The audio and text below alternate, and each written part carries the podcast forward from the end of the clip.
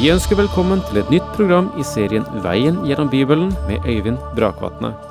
Denne studieserien er produsert av P7 Kristen Riksradio og bygger på serien Through the Bible av Vernon McGee. I dag fortsetter vi med gjennomgangen av Lukas evangelium.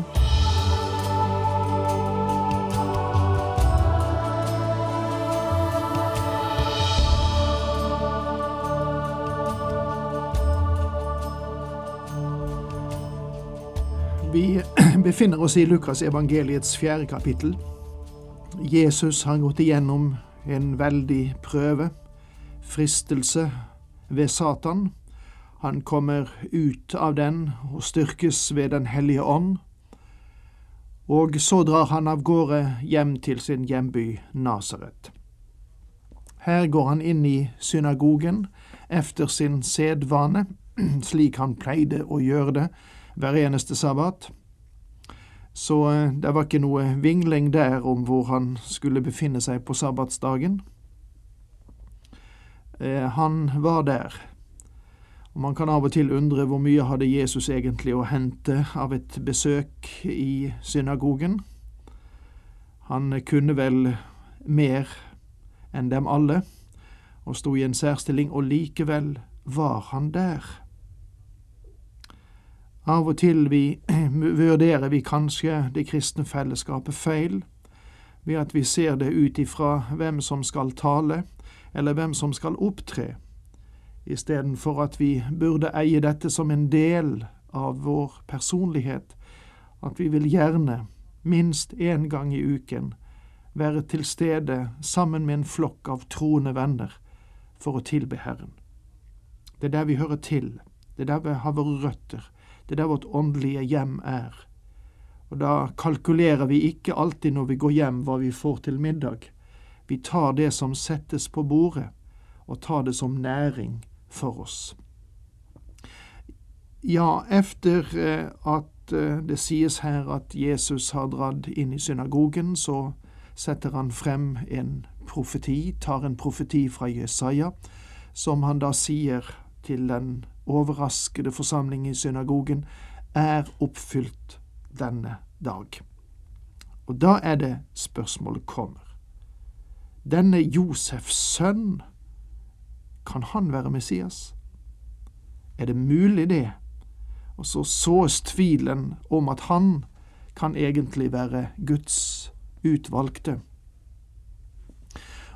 Og så merker Jesus dette, og så forteller han dem en liten lignelse. Og forteller dem hvordan i vanskelige tider Herren gikk forbi mange, og så gikk han til en enkel enke i Sarepta og støttet henne. Og eh, så forteller han videre at det var mange spedalske i Israel på profeten Elisas tid, men ingen ble renset, bare syreren Naman. Ja, det var dette vi leste til slutt sist, Lukas 4, 23-27. Og Herren illustrerer på en fantastisk måte her, egentlig. Nemlig at han fortalte om to hedninger som levde utenfor Israels land, og det er det du må merke deg her. Om enken i Sarepta og hærføreren Naman i Syria. Der Gud virket underfulle ting i deres liv mens han gikk forbi israelittene. Og han prøver å vise dem at de, hans eget folk, sto i fare for å miste en stor velsignelse, fordi de ikke ville akseptere den han sa at han var. Og de ville være lik de mange enker og de mange spedalske i Israel som ikke ble helbredet under Elisas tid. Da ble de rasende, står det videre i vers 28 i Lukas 4. Da ble de rasende, alle som var i synagogen og hørte dette. De reiste seg og drev ham ut av byen, ut mot et stup, ned fra fjellet der byen deres lå, for å styrte ham utfor. Men han gikk midt gjennom flokken og dro bort. Folket i Jesu hjemby vendte seg mot ham Landskapet rundt Nasaret er ganske kupert, og de førte ham, eller drev ham, ut mot et stup og hadde til hensikt å skyve ham utfor og dermed la ham dø. At han slapp unna denne rasende flokken, var et mirakel.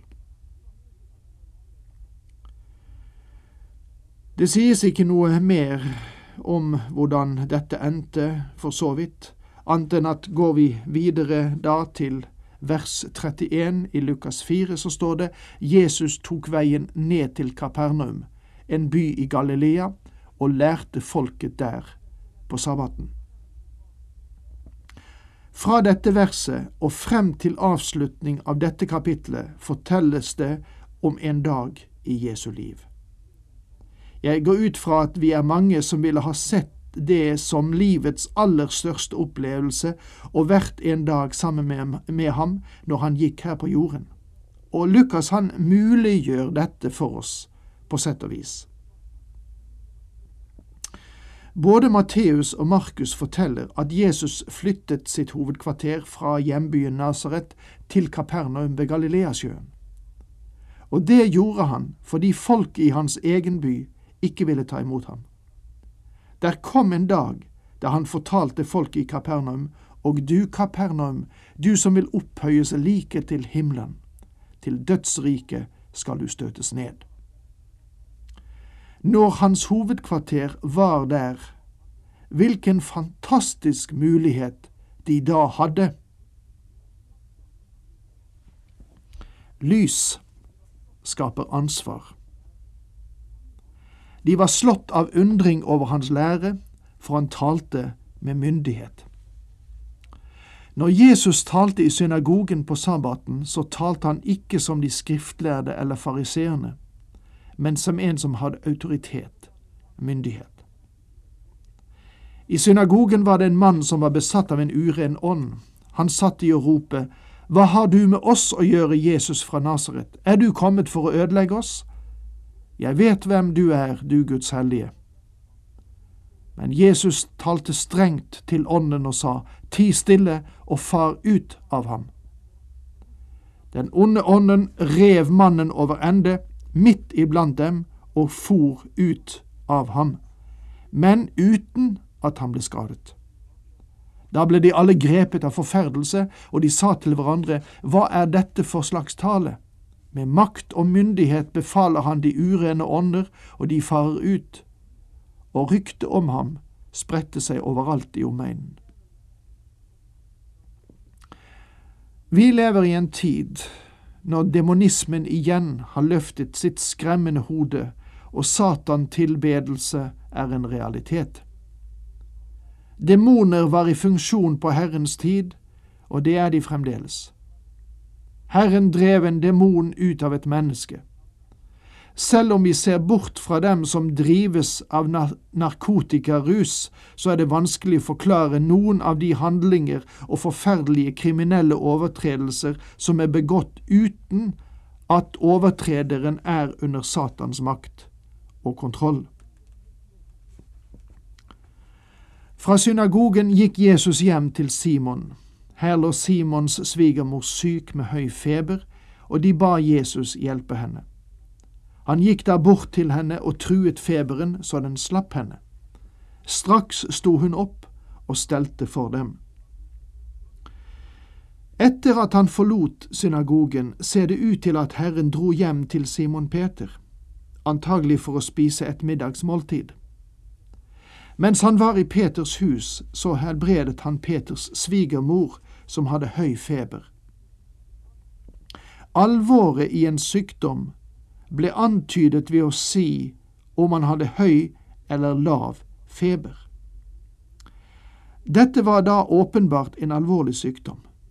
Herren truet feberen, eller for å bruke Lukas' medisinske terminologi, han kneblet den. Feberen var som en vill hund som hadde slitt seg. Herren behandlet også synd på samme måte. Øyeblikkelig sto hun opp og tjente dem. Når den Herre Jesus Kristus helbredet noen, så kom helbredelsen som regel ikke gradvis, men fant sted øyeblikkelig. og dette var en veldig overraskelse. Ved solnedgang kom alle til ham med sine syke som hadde mange slags plager. Han la hendene på hver enkelt av dem og helbredet dem.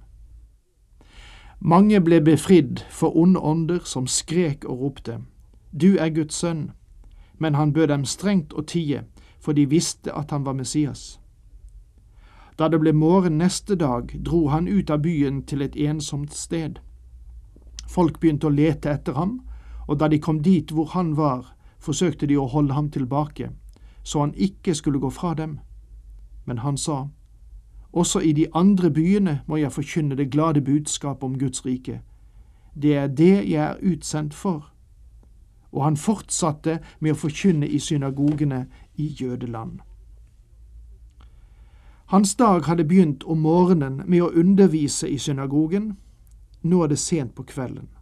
Herren går ut av huset til den mengden som hadde samlet seg utenfor, og han går fra den ene til den andre, rører ved dem og helbreder dem. Når Matteus forteller om dette, siterer han fra profeten Jesaja. Slik skulle det bli oppfylt som er talt ved profeten Jesaja. Han tok bort våre plager og bar våre sykdommer. Matteus 8, vers 17. Herren helbredet på en vidunderlig måte. Sannelig, våre sykdommer tok han på seg, og våre smerter bar han. Vi trodde han var blitt rammet, slått av Gud og plaget. Jesaja 53, vers 4. Herren bar sykdommene og skrøpelighetene for folket med all den sympati og ømhet som var hans alene. På tross av det faktum at israelsfolket da så på ham som slått og gjort elendig. Det er slik vi også ofte ser på ham. Du forstår at han helbredet disse menneskene ikke på grunnlag av tro, så langt som vi vet, men hans store hjerte, fylt av kjærlighet, fikk ham til å handle til beste for dem. Slik skulle vårt hjerte være også. Bær hverandres byrder og oppfyll på den måte Kristi lov. Da har vi gjort oss ferdig så langt med kapittel fire i Lukas evangeliet. Et eh, fantastisk kapittel med en veldig spennvidde. Og vi er klar til å begynne på kapittel fem. Eh, og dette kapitlet taler om at Jesus kaller disiplene for annen gang, at Jesus renser spedalske, at han helbreder en lam, at han kaller Matteus, og så forteller Jesus lignelsen om klesplagget og skinnsekkene. Men dette kapitlet eh, vil det nok ikke være tid til å gå inn på i dag. Men eh, les det igjennom. Det er av og til, tror jeg, godt for oss å lese et kapittel på forhånd. Og da kan vi gjøre oss opp noen eh, meninger om det selv, og noen slutninger. Og så kan du føre disse slutningene sammen med det som jeg har å si om kapitlet, og eh, det kan være en økt rikdom. Men i alle fall så vil jeg oppmuntre deg til å ikke bare eh, hvile på de studiene som vi har sammen, som bare er små såkorn, men at du også tar fatt Bibelen for deg selv, gransker den, og opplever den foredlende virkning som Guds ord har på tanke og sinn. Og så får jeg si takk for i dag, og Herren med deg.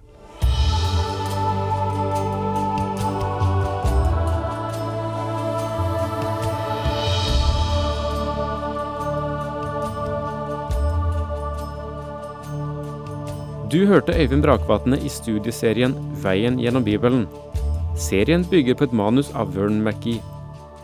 Har du spørsmål eller kommentarer til programmet, kan du sende en e-post til vgb krøllalfa p7.no. Takk for i dag, og på gjenhør.